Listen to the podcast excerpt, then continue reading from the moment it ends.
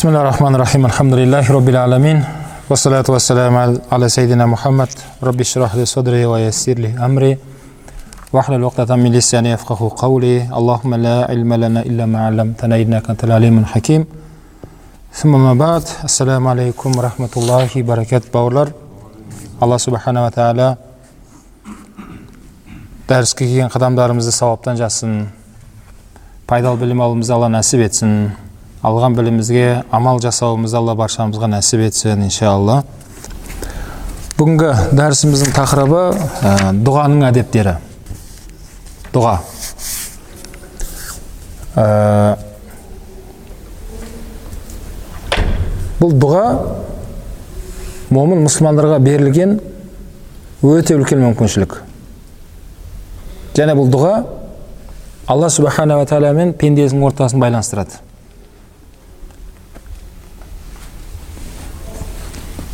Адамға жаққың келсе одан ешнәрсе сұрама.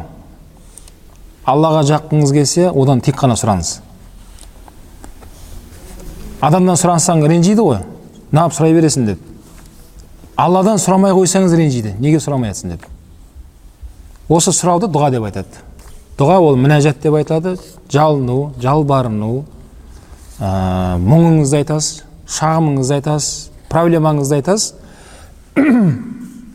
соны кімге айтасыз алла субханала тағалаға айтасыз соның әдеттері бар екен бауырлар кейде шыны керек дұға жасадым деп жүреміз бірақ шынайы дұға жасалмаған болса мүмкін қабыл болмауы да мүмкін оның өзінің жол жорығы бар екен сол жол жорықтары бар екен өзінің уақыт уақыттары бар екен соның бәрін ескеріп соған лайықты өзіміз дайындап жүрсек құдай қаласа дұға сөзсіз қабыл болады. Бірақ ол дұға не жақын арада беріледі не келе жатқан бәленің анау несін азайтады күшін. Не болмаса ақыретке қалады деген. Расул айтады пенде қолын жайып я раббым деп қолын жайған кезде қолын бос қайтарудан ұялады дейді. Яғни сұрадыңыз ба ол ешқандай күмән болмасын беріледі. Бірақ соның да әдебі бар екен. Біздер алла субханала тағаладан сұраған кезде әдебімен жолымен жасасақ және құп құп болады екен да иншалла дұғамызға сай болады екен. Бұл дұғада құлшылық бауырлар пайғамбар алейхисалам хадисінде айтады егер мына қауым дұға жасауды әдетке айналдырмай тастап қойса дейді. Алла тағала бұл үмбетті құртады жер бетінен дейді. Сөйтіп бұлардың орнына дұға жасайтын қауымдарды алла алып келеді өмірге дейді. Бұл хадис. Демек осы дұғамызда мүмкін біздің өмірімізге әсер етеді. Сөзсіз. Дұғамызда болашағымызға өмірімізге күнделікті тіршілігімізге сөзсіз әсер етеді. Осы дұға айтпаған кезде адамдар сосын бір біріне айтуға өтіп кетті қазір. Сын айтады бір біріне мұңын айтады проблемасын айтады. Е ол проблеманы шешпейді олар.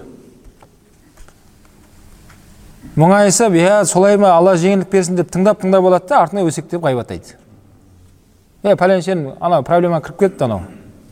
Деп мысқылдап ғайбаттап отырады сені адамдарға айтпаңыз мұңыңызды.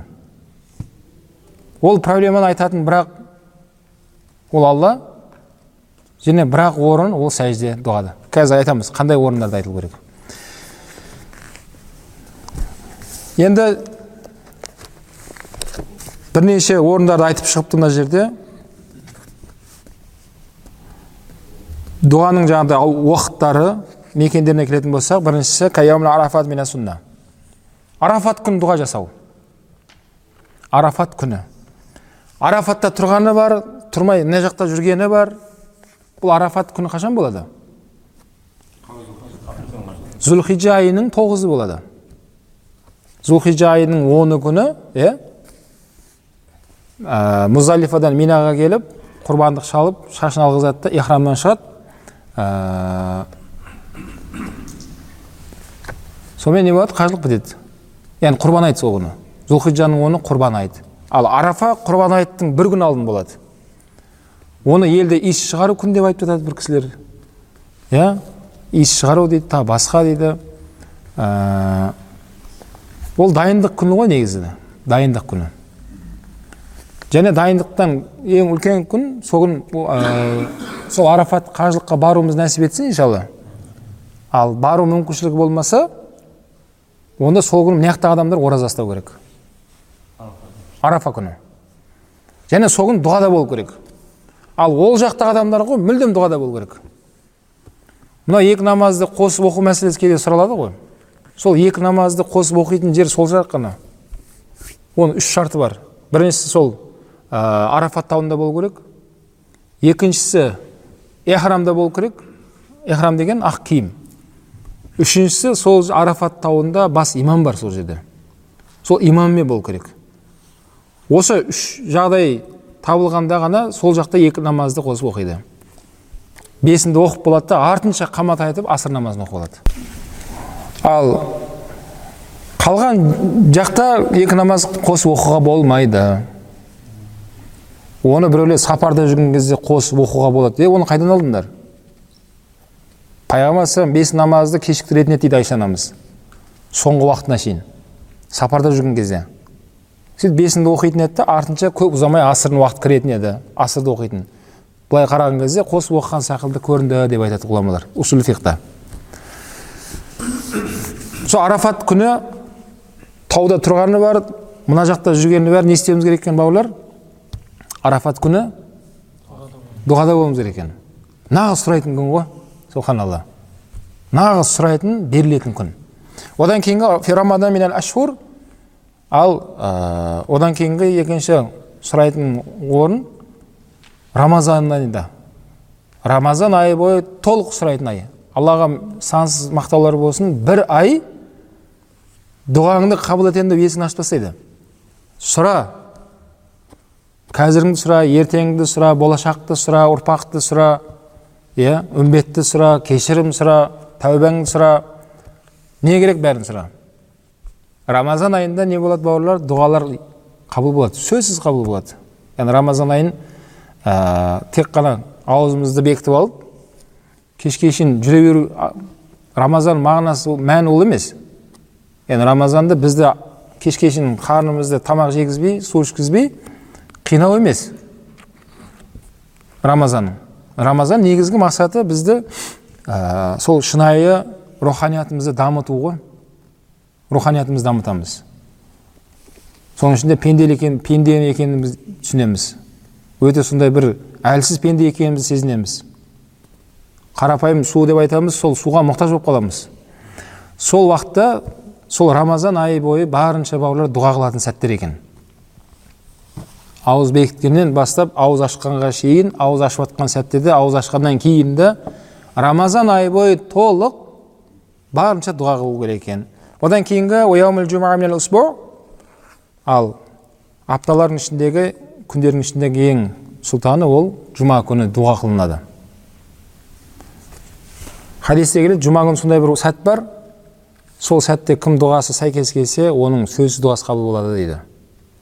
Жұманың уақыты мысалы бүгін асырдан аудық қой міне міне жұманың уақыты мына бүгінгі түн мына жұманың түні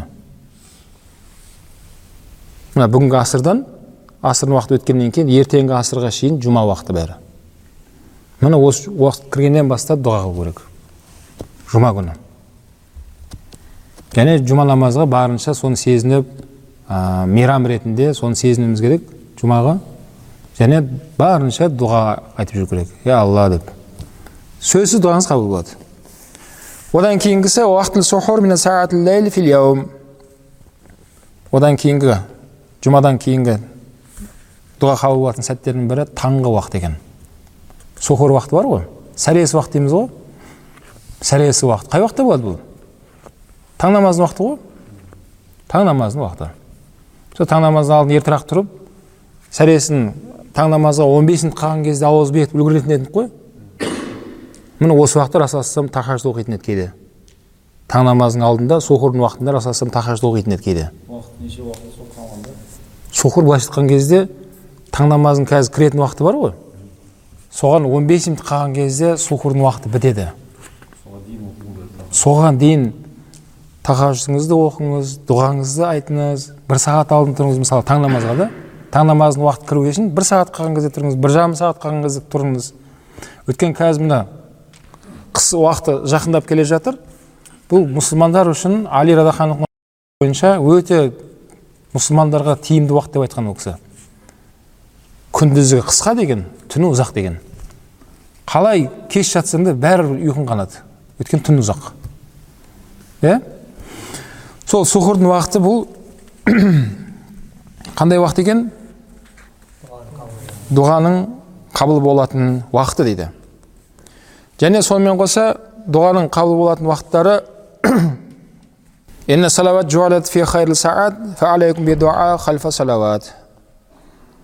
мынау намаз намаздың уақыты жалпы намаздың уақыты кіреді ғой. Сол күнге бес мезгіл намаздың уақыты келген уақыттың бәрі сол күніңіздің ең қайырлы уақыттары екен. Мысалы бесін бірде кірді ма? Бірмен асыр қаншада төрт төрт онда. Демек бірден төрт онға шейін сол бесінің уақыты. Соның бәрі қайыр уақыттар. Одан кейін асыр кіреді. Асырдан ақшамға шейін сол асырдың уақыты күн батқан неге дейін макро уақыт кіргенге дейін. Міне осы бес мезгіл намаз оқып бола сал да дұғаңды айта бер дейді. Құран кәрімде алла айтады ғой бақара сүресінде. Сендер мен бірінші айтқанымды істесеңдерші одан кейін сұрасаңдаршы беремін ғой дейді аятта. Яғни бірінші мен айтқанымды істе деп жатыр алла не айтты бізге? Намазыңды оқы деді. Намазыңды оқып алдың енді сұра деп жатыр иә? Әр намаздан кейін бауырлар не істеуіміз керек? Дұға жасайық. Әр намаздан кейін. Міне кейде анау бауырларымыз е неге намаздан кейін отырып алып жамағат болып дұға қыласың? деп уақытысында көп әңгіме болды ғой. Е бұның бәрі осы риуаяттан келіп жатқан мәселе. Ешкім ойына келіп істеп жатқан жоқ ешкім. Хаққысы жоқ. Яғни дінге ешкім ешнәрсе кіргізуге хақысы жоқ. Демек қазір осы шариғат бойынша не істелініп жатқан болса оның бәрінің өзінің дәлелдері бар. Ал жамағатпен дұға қылу оның баракаты ол ерекше болады. Өйткені не үшін десе мүмкін осы адамдардың ішінде дуалы адамдар болады деген. Әмин десе болды сол дұғаның бәрі қабыл болып кете береді деген. Имам мына жақта дұға айтып жатыр ол кісі тыңдап отыр да не деп айтады? Әмин дейді. Болды қабыл болады деген ғой. Сол үшін сол жамағаттың баракатты дұғасынан қалып қоймайық дейтініміз содан. Әр намаздан кейін және расул айтады біліп қойыңыздар азан мен қаматтың арасында дұға қайтарылмайды дейді пайғамбар айтады. Азан айтылады да кейін он минуттай қаматқа дейін кішкене уақыт беріледі ғой. Кішкене мынау жақын жердегі әйтеуір қалмай келіп жүрген жамағаттар намазға келсін деп күтеді. Сол кезде телефон шұқылап отырмай бір бірімізге әңгіме айтып жаңалық не болып жатыр не жаңалық болып жатыр кеше не болған ана жақта че то бірдеңе болып жатыр ғой деп әрдеңені шұқылай бермей не айту керек? Дұға айту керек. Ол әңгімеңді сыртқа шығып айтып үлгересің уайымдама уақыт жетеді әлі айтуға. А бірақ шайтан ібіліс дәл сол уақытта сізге ой салады. Не бір қызық әңгіменің тіліңе алып келеді. Аузың жыбырлап сөйлегің келіп тұрады. Не үшін? Сізді шалқытатын сондай жағдайлар ғой бәрі. Өте маңызды сөз айтқызғысы келеді саған ойыңа салып қояды жаңағыда адам түртіп соны айтқың келіп тұрады. Намаздан сыртқа шықсаң айт сол есіне шығып қалады. Оны кім алып келді саған? Шайтан ібіліс не үшін? Сондай дұға қабыл болатын сәттен сізді шалқытады қытайат болыңыздар. Телефондарымызды сөндіріп мешітке кірген кезде ұмыту керек қой. Е он минут он бес минутта намаз бітеді ғой. Соның алдында он минут ерте келдіңіз ба оны дұғаға арнау керек дейді. Және расулам айтады ораза ұстаған адам дейді дұға айтатын болса дұғасы сөзсіз қабыл болады дейді. Дұға қайтарылмайды дейді. Аузы ораза ұстаған адам нәпіл болсын кез келген ораза. Аузын ашқанға шейін дұға айту керек ол. Және оның дұғасын алып қалуға әрекет жасауымыз керек. Сөзсіз дұғасы қабыл болады.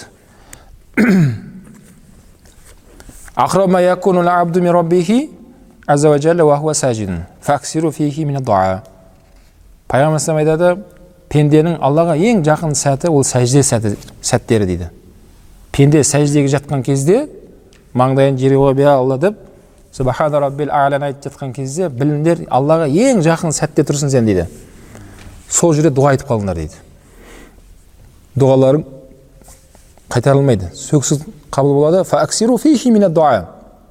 және ол жерде көбірек дұға айтыңдар дейді пайғамбар айтады айша анамыз айтады расул түнгі тахажуд намазда қиям намазда қиям намаз бен не айырмашылығы бар қиям бар түнде тұрып намаз оқу тахажуд деген намаз бар. Екеуінің не айырмашылығы бар? Қиямда сол сағат бірге шейін жүрдің ары бері сандалып. Ақыры бәрі түн болып қалды ғой енді. Сол түнгі бір намаз оқып бірақ ұйықтайыншы деп оқысаңыз сол қиям ләйл болады. Сауап ол бірақ ол тахажуд емес. Тахажуд болу үшін ұйқыдан ояну керек. Нәпсі шырылдайды ана жерде. Ой ертең жұмыс қой кеш жаттың ғой енді ұйықтай берсе ұйқың қанбай қалады ғой ондай ғой мұндай ғой деп. Соған қарай нәпсіні сындырып барып дәрет алып оқысаң ол тахажуд болады. Сол тахажудта бауырлар иншалла көбірек сәжде қылынады. Сол тахажуд намазда немесе қиямда расул айша анам жеткізеді. Пайғамбар қиямда ұзақ тұратын еді дейді. Қиям деген тік тұрып көп құран оқитын еді. Кейін рукуы қиямнан ұзақ болатын дейді. Рухуқта расулаллах көп дұға қылатын еді дейді. Кейін рухуқтан кейін сәждеге барады ғой. Сәждесі рухуқтан ұзақ болатын еді дейді. Пайғамбар сәждеде ұзақ жататын еді дейді. Яғни барған сайын ұзартатын еді дейді айша анамыз айтады соны расулаллах бізге айтып берді сол сәждеде көбірек дұға айтып қалыңдар ей айтып қал сол жерде айтатын проблемаңды мұңды болашағыңды арманыңды мақсатыңды не керек саған? Бәрін айт сол жерде. А алла тағала сенің дұғаңды бос қайтарудан ұялады деп айтты расул басқа хадисте. Демек бұл деген сөз сұрадыңыз ба? Ол сөзсіз беріледі деген сөз. Одан кейінгі мәселе сол дұғамызды және сол дұғамызды барынша құблаға қарап айтуымыз керек. Былай айта берсеңдер де болады бірақ абзалы жолы сол екен. Дұға айтқыңыз келе ме? Үйіңізде болсаңыз да. Қай жаққа қарап айту керек құблаға отырып кәдімгідей әдебімен қолыңызды жайып пайғамбар дұға қылған кезде мына екі қол қосылатын еді былайынан былай сөйтіп мына екі алақаны иықтың тұсына шейін көтерілетін еді былай осылай сол дұға біткен соң пайғамбар бетін сипамай қолын төмен түсірмейтін еді дейді айша анамыз имам тірмиз деген хадисте бұл расулаллахтың сүннет амалы бұл да дұғаның бір қабыл болатын бір сәттердің бірі. Және осы көрініс осы жалбарыну көрінісіміз біздің құбыла қарап отыру керек. Құбыла қарап отырсаңыз иншалла ә, және дұғаңыз сөзсіз қабыл болады. Өйткені ғұламалар айтқан жай құбылаға қарап отырудың өзі құлшылық деген. Мына жақта ғой енді қуыламыз иә осы жаққа қарап кете берсеңіздер алдыңызда не каба шығады осы жақта әйтеуір құбыла ғой деп құбылаға аяғыңды созба құбылаға қарап дәрет сындырма құбылаға әдепсіздік қылма деп жатқан бәрі содан шығып жатыр өйткені бүткіл мұсылман әлем жан жақтан осы кабаға жүзденіп жатыр міне осы тарапымыз біздің бұл құлшылық қылатын бағыттайтын біздің құбыламыз сол дұғаны сол құбылаға қарап айтатын болса иншалла нұр үстінде нұр болады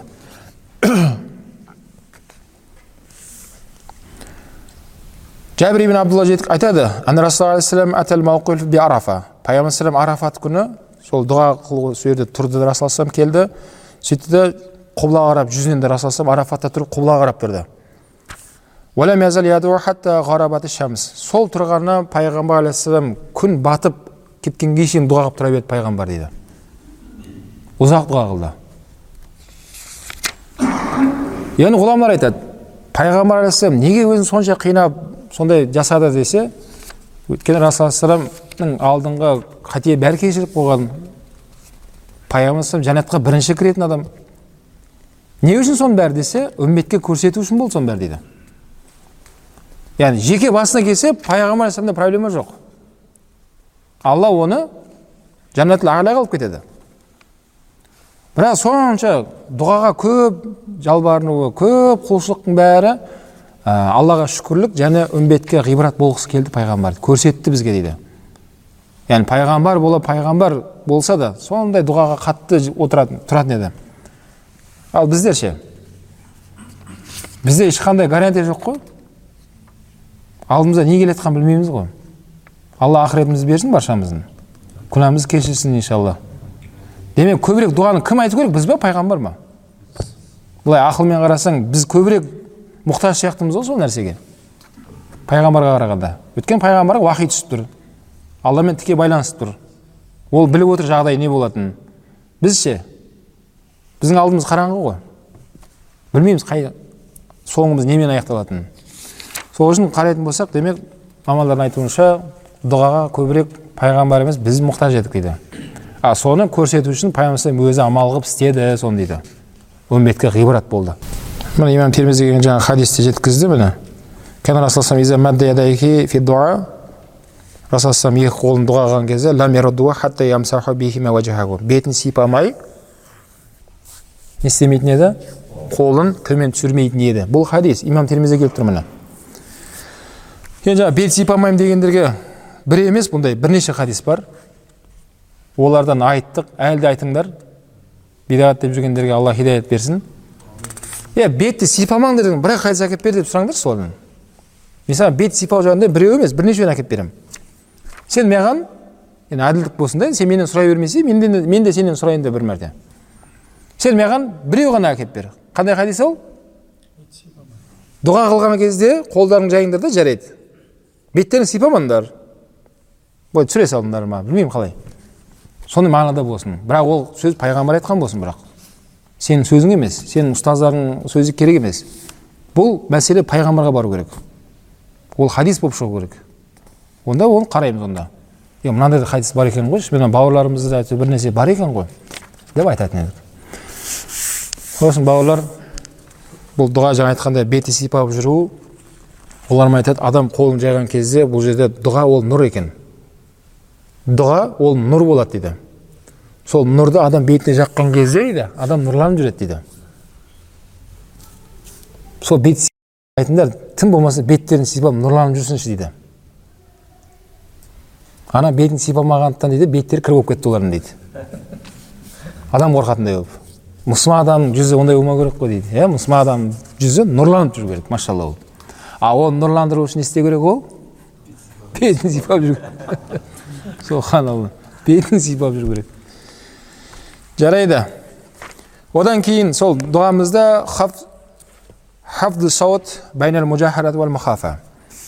және сол дұғаның әдебі ішіндегі одан кейінгі мәселе сол дұғамызды құбылаға қарап айтып отырған кезде дауысымыз қатты болмасын. Және тым сыбырлап кетпейік. Жай өзің еститіндей жағдайда иә өзіңіз еститіндей орта дауыспен айтсаңыз болады. Бұған әдебі бұл. Отырып алып ішіңізден емес е алла деп айқайламай немесе микрофонды қосып қойып естіп жатсың ба мені деп емес орта жай өзің еститіндей жамағатпен дұға қылсаңыз жамағат еститін деңгейде ғана екі ақ адам болсаң екі ақ адам еститіндей ғана дауыспен жалғыз болсаң өзің ғана еститін дауыспен осы осы орта ұстаным деген осы сол ұстаныммен дұғаңыз айтыла бересіз пайғамбар айтады е дұға қылатын адамдар біліп қойыңдар дейді расулаллам ей адамдар сендер дұға қылған кезде жаңағыдай естімейтін керең дейді ма саңырау саңырау аллаға дұға қылып жатқан жоқсыңдар ғой сендер алла саңырау емес дейді немесе ғайып болып ара қашықтарың алыстап кеткен бір тым алыстағы біреуге дұға қылып жатқан жоқсыңдар ғой дейді. Бәлкім сендердің дұға қылып тұрғандарың дейді. Алла сендерге сондай жақын сендердің мына күре тамырларыңа жақын ғой алла сендерге дейді. Күре тамыр қай жерде ол? Алла сол күре тамырыңнан да саған жақын болып тұр дейді. Пайғамбар айтып жатыр бұны қалай түсінеміз? Демек сенің дұғаңды алла тағала мінәжатыңды қабыл қылу мәселесінде сенің күре тамырыңнан да алла жақын саған дұғаңды қабыл етіп тұр естіп тұр деген сөз. Күре тамырымыз жақын қазір мойнында тұр деп тұрмыз ғой. Ал хадисте қараса алла субханала тағала сен дұғаңды қабыл мәселесінде мейірім жағынан біздің күре тамырымыздан да жақын болып тұр бізге қазір хадис бойынша. Сол үшін айқайлама деп жатыр ондай саңырау емес алла. Ұзақта да емес ол. Айқайлайтындай жай қоңыр дауыспен әдемілеп айтатыныңды айта бер дейді. Сұрайтыныңды сұрай бер. Араф сүресінде елу бесінші аятында алла айтады. Раббыларыңа дұға қылған кезде иә барынша дауыстарыңды төмендетіп және кішіпейіл болып дұға қылыңдар дейді. Тадарау. Кішіпейіл болып ухуфия. Барынша дауыстарыңды төмендетіп сұраңдар дейді. Бұл алланың сөзі. Міне осы осы форматта болу керек екен да біздің сұрайтын дұғаларымыз. Осы форматта. Ішімізден сыбырлай бермей жай өзіңіз еститіндей қылып немесе сондай бөлмеде адамдар ұйықтап жатқан болса оларға да кедергі болмасын онда жай жай өзіңіз еститіндей қылып сыбырлаған секілді айта бересіз. Проблема жоқ. Және дұғада ә, деген бір сондай бір қиын бір әдеби қиын сөздерді бір тоқып ұйқастырып сұраудың қажеті жоқ ол жерде ұйқастырып ақын болудың қажеті жоқ бір ақындық қасиетіңіз болса сөйлеген кезде өлеңмен сөйлейтіндей сол өлеңдетіп сұраудың қажеті жоқ дейді дұғада ол дұрыс емес дейді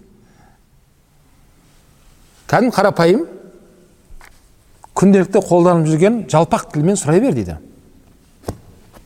Міне шариғат соны айтып жатыр. Қиындатып бір көп қолдана бермейтін бір терминалды қолданып ана жерде. Иә?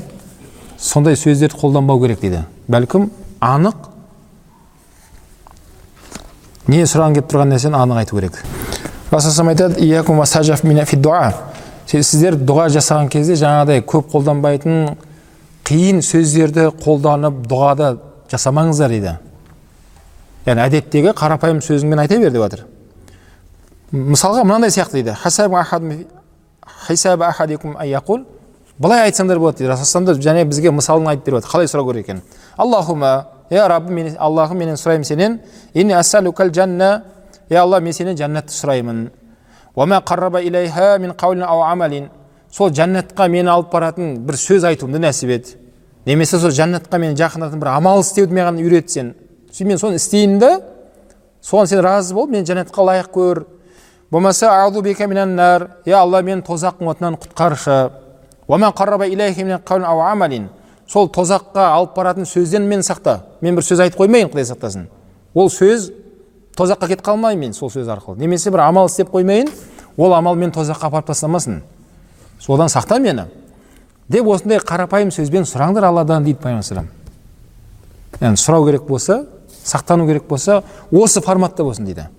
Деп жатқаны шамамен осы форматта сұра дейді. Енді мына қазір айтылған сөзді түсіндіңіздер ма мен түсініп отырмын. Сіздер ше? Альхамдулилля бәріміз түсініп отыр екенбіз. Ал мына жерде қазір сәжақ деген бір астарлы бір өлеңдетіп бір терминдермен айтсақ мүмкін біреуміз түсінеміз мүмкін біреуміз түсінбейміз. Не айтып жатыр мына кісі? Нені меңзеп тұр мына кісі не айтқысы келіп тұр мына кісі оған бармау керек дейді. Ол дұрыс емес дейді. Яғни дұға қарапайым болсын күнделікті қолданып жатқан сөздерді қолдана беріңіздер дейді.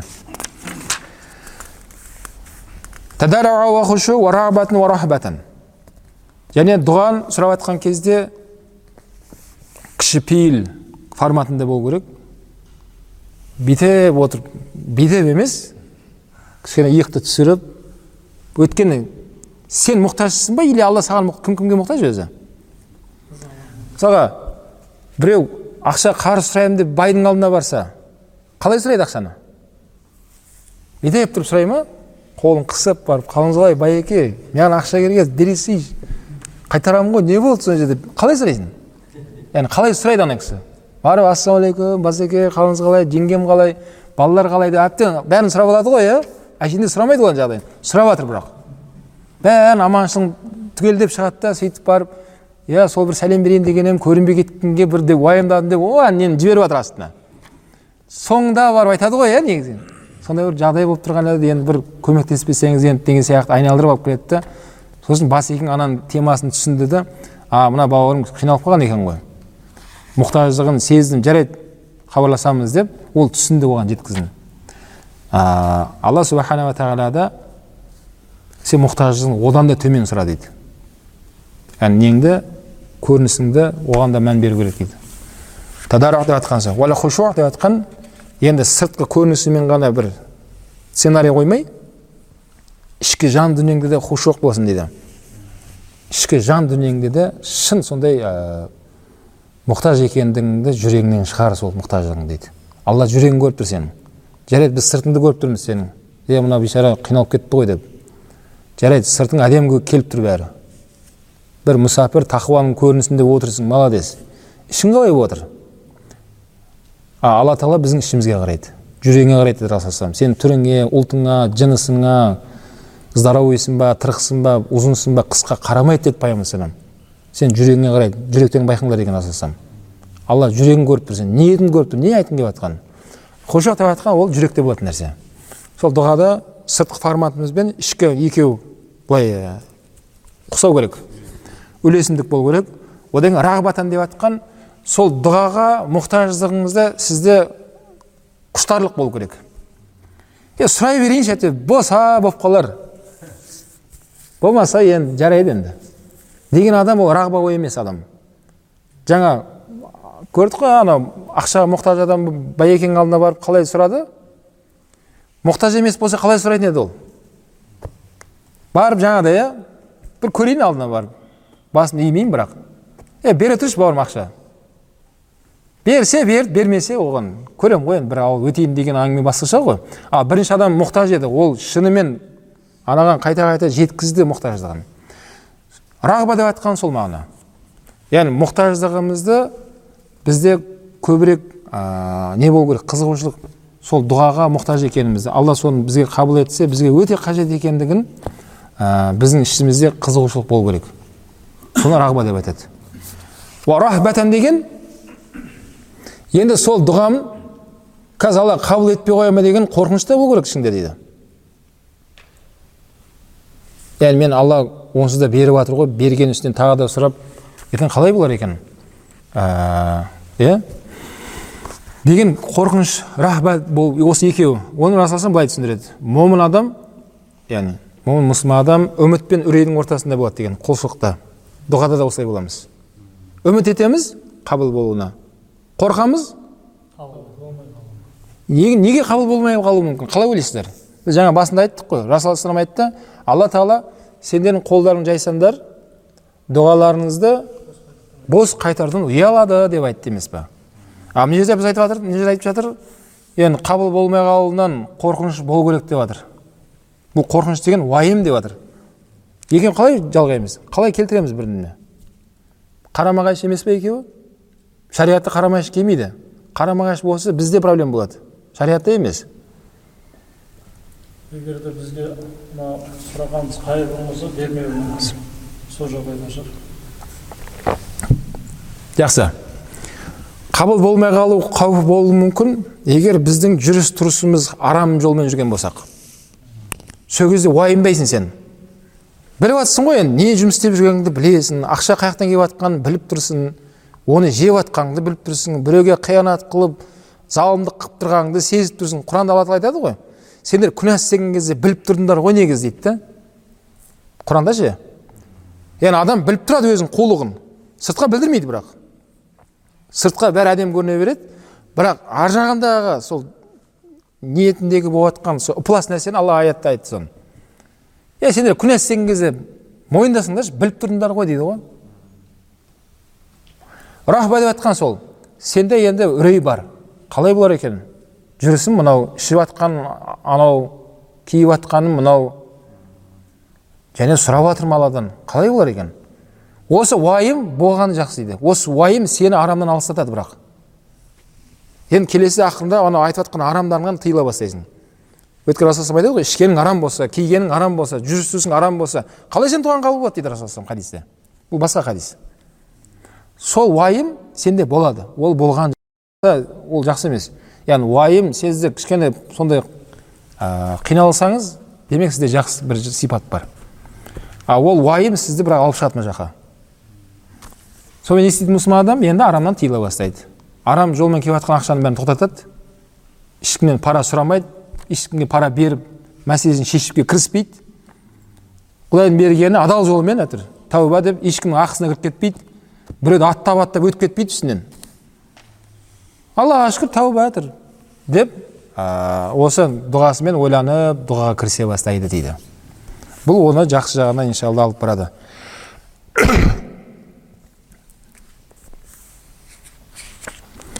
Және расулаллах айтады. А мына хадистен алдын және одан кейінгі мәселе дұға айтқан кезде дұғам сөзсіз қабыл болады деген сенім болу керек екен. Күмән болмау керек. Қалай болар екен? Бола ма болмай ма? Енді болып кетсе жақсы болар еді деген оймен емес дейді. Сенімді түрде иншалла қабыл болады. Бұған хадисте айтады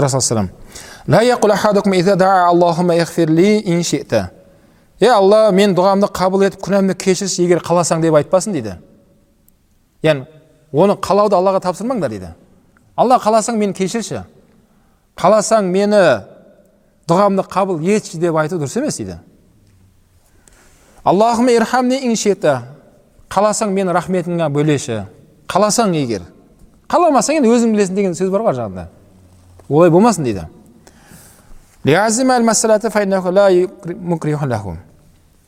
Бәлкім оның несі шешімі мәселеде анық болсын дейді.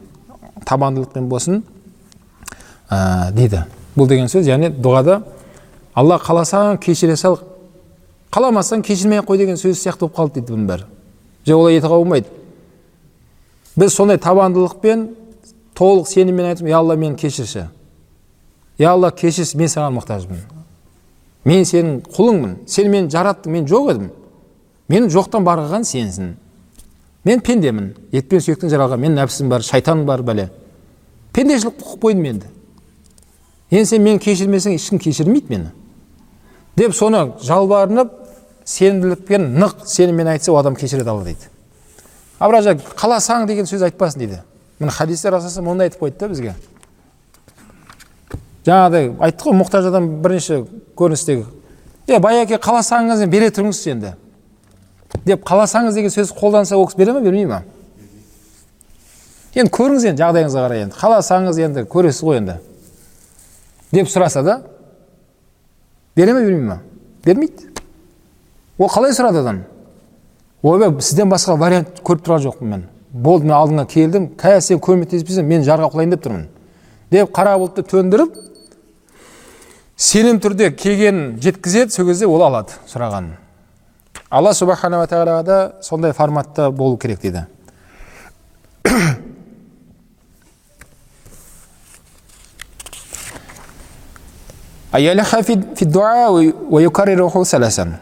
Және дұға айтылған кезде ол қайталану керек. Кемі үш мәрте. Алла күнәмді кешірші дедіңіз ба? Осы сөзді кемі неше мәрте айту керек? Үш мәрте. Бұл ең азы. Көбейте берсеңіз болады. Юкарир деген карара юкарир деген сөз араб тілінде қайталау деген сөз. Қайталау. Жаңа анау байекеңе барған кезде бір ақ мәрте сұрады ма бірнеше мәрте айтты ма сол сөзді? Байқадыңыздар ма? Жаңағы мұқтаждығын неше мәрте қайталады? Ойбайлап тұрып. Бірнеше мәрте қайталады ол. Бір ақ мәрте айтқан жоқ. Келді бәсеке ассалаумағалейкум мә мұқтаж болып жатырмын бере тұрыңызшы ақша болды. Үндемей пауза болып қалмайды ғой одан кейін. Қарап тұрмайды көзіне. Пока ана байекеңнің аузынан жарайды дегенге шейін ол бірнеше мәрте қайталайды бұл әңгімені. Неше түрлі форматпен алып келеді да бірақ. Бірақ бәрі айналып жатқан сөз сол бір нәрсені айтып жатыр бірақ ол. Бірақ әртүрлі вариантпен шығып жатыр. Анау әйелінің ауырып қалғанын айтты әкесінің қиналып қалғанын айтты ананы айтты мынаны айтты. Бәрін айналып келген кезде бір ақ нәрсе сол. Ақша беріш деген сөз. Ал дұғада осындай болу керек дейді. Ең азы үш мәрте қайталансын иә раббым ал көбінде шегі жоқ. Қайталана берсін. Бұл қайталанған жақсы. Дейді. Дұғаның әдебі иә бауырлар? Әдебі. Біз басында айттық. Алла оны бір мәрте айтпасаң да бере салады алла. Аллаға қиын емес. Ә, бірақ әр нәрсенің өзінің жолы бар деп айтты жаңа әдебі бар деді. Иә? Тамақ жеудің де әдебі бар сөйлеудің әдебі бар. Бар ғой. Сол сияқты дұғаның әдеттері бар екен да. Біз пенде болғандықтан демек раббымызбен қалай дұға қылудың жолын айтып жатыр бізге. Сен анау сасық көкірегіңді таста мына жаққа. Е сұрадым ғой енді бір мәрте деп. Е мың миллион мәрте сұра. Сын сұра. Сондай мұқтаж ә, қауқарсыз өте әлсіз пенде екенімізді мойындауымыз керек қой. Шайтан оңбаған мойындамады ғой өзінің пенде екенін. Сөйтіп тәкаппарланып алламен сөзге келіп қалды. Сөйтіп ражим болды ол. Аузубилля болды ол дейді сөйтіп шайтан болды дейді шайтан деген алыстау деген сөз ражим деген үміт үзілді одан дейді оны тозаққа баратыны болды кесілді үкім шығып қойды ал бізде үміт үзбейміз сол үшін дұғамызды біз сол мұқтаждығымызды айта беру ұялмау керек жаңа басында айтқанмын сол біреуден сұрай беруге болмайды сұрауға болмайды ұят болады а алладан сұрай бермесең ұят болады біз кейде осы форматты мына жаққа ауыстырып қойғанбыз бұл адамдарға кетіп қалып жатыр жоқ адамдарға білдірме еңсеңді түсірме намыс жібермесін. Қалай да болсын былай көрініп бай сияқты көрініп жүре берсе елдіне қалың қалса альхамдулилля не болды? Бәрі дұрыс па? деп баяғы неңнен түспе сен құдай түсірмесін сені мына жақтағы проблемаңды білдірме ешкімге мощный киініп ал. Жақсылап тұрып сақалды қой. Иә? Машинаң тап таза мініп жүр. Білдірме ешкімге. Ал проблемаңды аллаға айт. Е алла білесің ғой менде не болып жатқанын субханалла. Мен адамдармен осындай мәміле қылып жатырмын бірақ сенің алдыңа келген кезде мен ондай емеспін мен. Мен саған мұқтажбын субханалла. Иә алла сен маған көмектес деп жыла сұра алладан. Алла саған береді. Бірақ адамдарға бодырай жүру керек. Кәдімгідей былай. Білдірмей ешкімге. Ақша керек болса альхамдулилля керек емес. Бәрі бар менде альхамдулилля дұға қылып қой бауырым де болды теманы жауып таста бітті алла береді саған ойбай бар маған ақша беремін деп айтты арқасына түсіп алып ол бейшараны қайта қайта звондап кабинетіне бара берме не істейсің оны алланың кабинетіне бара бер алланың кабинеті қай жақта құлшылықта мешітте сәждеде алланың кабинеті былай түсінетін болсақ та енді мысал ретінде тоже бауырлар кейде сол форматты шайтан ібіліс әдейі былай жасап берген да адамға аллаға жалпақтау мәселемізді адамға жалпақтатып қойған ықтият болыңыздар ол дұрыс емес. Қазақ сөйтіп айтқан. Малым жанымның садақасы. Жаным арымның садақасы. Бітті адамда арым деп айтқан намыс болу керек. Намыстан өзің сияқты азаматтан қалай сұрап жатрсың сен? Намыстан. Яғни мұқтаж болып көмектесіп жіберу ол басқа мәселе. Қарыз сұрау ол басқа нәрсе. А бірақ оны әдетке айналдырмау керек та шариғаттың айтып тұрғаны. Алла сені құтқарады әрине жолдарын ізде себебін жаса а бірақ көбірек мұқтаждығыңды аллаға айт деп жатыр. Және және дұғаны алланың көркем есімімен бастау керек. Алланы мақтаңыз жақсылап тұрып. Намаздың өзінде байқайсыздар ма? Мақтаймыз ғой алланы. Қалай бастайсыздар намаз? Қалай оқып жүрсіңіздер жалпы айтыңыздаршы маған.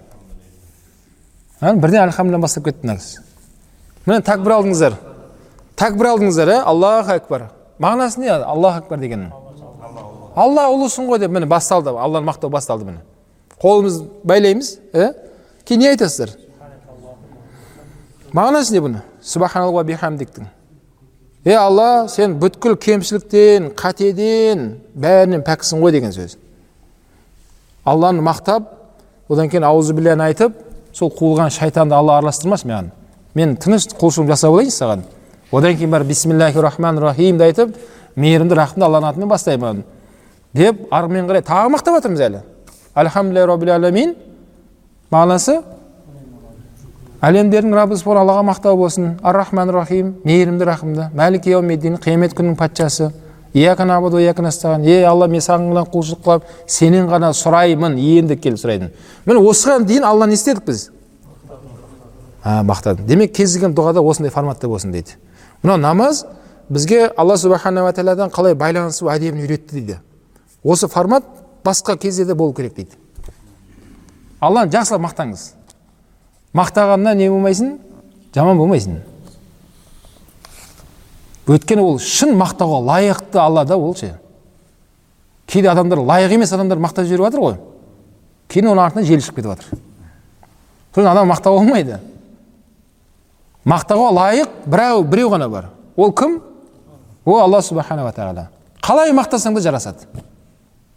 Қалай мақтасаң олай мақта. Шын алла сондай. Алланың құдіретінде ешқандай кемшілік таппайсың. Оның мейірімде шек жоқ. Адамдар қандай күнә істесе алла кешіріп жіберіп жатыр бәрін. Е он екі жастан бастап намаз бастамады ғой деп жермен жексен қылып жіберген жоқ алла ешкімді. Адамдар әрқайсымыз әртүрлі жастан намазға келдіңіздер. Солай ғой. Бірақ сол намазға келгенге шейін алла сенің ризығын кесіп қойған жоқ. Денсаулығыңды алып қойған жоқ. Айлығыңды қысқартып тастаған жоқ. Сен оңбағансың деп сырып тастаған жоқ қой. Білдірмей алла ешкімге айтпай сөйтіп сені көтере берді. Алла өз бір алланы бір танитын шығар өзі іздейтін шығар тәубасына келіп қалар деп алла тағала мүмкіншілік берді дейді сол алла мұқтауға лайықты сол алла мүмкін адамдар кейде бір бірін кешірмейді бірақ алла бәрін кешіреді алла бәрін кешіремін деді серік қоспасаң болды маған деді ғой аятта сол дұға қалай басталу керек дейді алланы ұлықтаумен яғни ә, салма ибн акуа радиаллаху анху айтады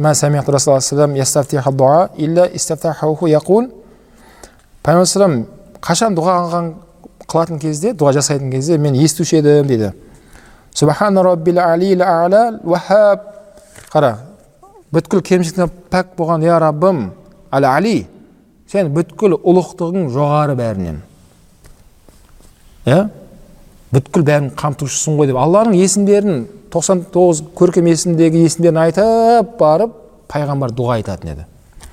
Дәл осы көрініс бауырлар біздің дұғамызда болу керек екен да. Амин десе бірден е алла не дейміз енді? Бізді күнәмізді кешір деп бірден бастап кетпей яғни сол соған дейін алланың көркем есімдерін айтып келіңіз да. Кейін расул салауат айтып кейін дұға кейін салауатпен бітіріңіз. Хадис бар өйткені екі салауаттың ортасында дұға қабыл болады деген. Дұғаның басы салауатпен басталды салауатпен аяқталды. Және адабил батин және ә, дұға жасап отқан кезде ішкі жан дүниемізді ой өрісіміз бәрі сол нүктеге тұру керек. Дұға жасап жатсың анау базардағы бутигіңді ойлап тұрсың дұға жасап жатсың ауылыңды ойлап тұрсың дұға жасап жатсың тағы біреуді ойлап жатсың білмеймін. Ондай болмайды. Ой басқа жақта жүр дене мына жақта отыр. Е алла деп. Соның бір екі мысалын келтіреді бір екі адам болды дейді. Екеуі де қажылыққа барамыз деп ниет қылды дейді. Сөйтіп біреуі кетті қажылыққа дейді. Біреуі бара алмай қалды дейді. Екеуі де саудагер еді дейді. Сөйтіп анау барып алып қажылыққа барып кағбада денесімен былай жабысып тұр дейді да кағбада. Былай. Тек қана бір қол емес бүткіл денесін жабыстырып алған кағбаға. Дұға жасап жатыр дейді. Бірақ ойының бәрі мына жақта дейді. Ә, сауда не болды екен? Сауда болып жатыр ма болмай жатыр ма екен? Кеше балама звондағанмын телефон алмады че то не болып жатыр шаруа? Анау не болды? Мынау өзі қай жаққа тұр денесі? Субханалла кағбада тұр. Елдің бәрі әрең баратын жерге барып алып ой мына жақта ауылда қалып кеткен ғой. Қаскелеңде жүр. Дене кағбада тұр дейді. Ал анау бара алмай кісі бар ғой жаңағы досы. Енді бара алмады енді. Ол мына жақта сауда істеп тұр дейді базарда тұр дейді. Бірақ ойының бәрі кағбада дейді. Ә, ана досым кағбада қазір субханалла дұға қылып тұрған шығар. Кағбада тұрып замзам ішіп тұрған шығар. Бірақ алыс беріс қылып тұр дейді да ол. Ғұлама айтқан екеуінің қайсысы абзал болды десе мынау бара алмаған құлшылық абзал болды деген ғой. Өйткені ол ниетімен кетіп қалды мына жаққа дейді. Дене кете алмай қалды дейді. Анау денесі баруына барып алып ниет мына жақта қалып кетті дейді. Сосын дұғада да солай болу керек дейді. Яғни денемізбен ішкі жан дүниеміздің бәрі бір нүктеге тоқтау керек деп жатқан сол. Намазда да сол. Неге әлі күнге шейін намазда бізде сұрақ қойылады? Неше ракат оқығаным есімде жоқ деген. Білесіз бе бұл сұрақ не үшін қояды?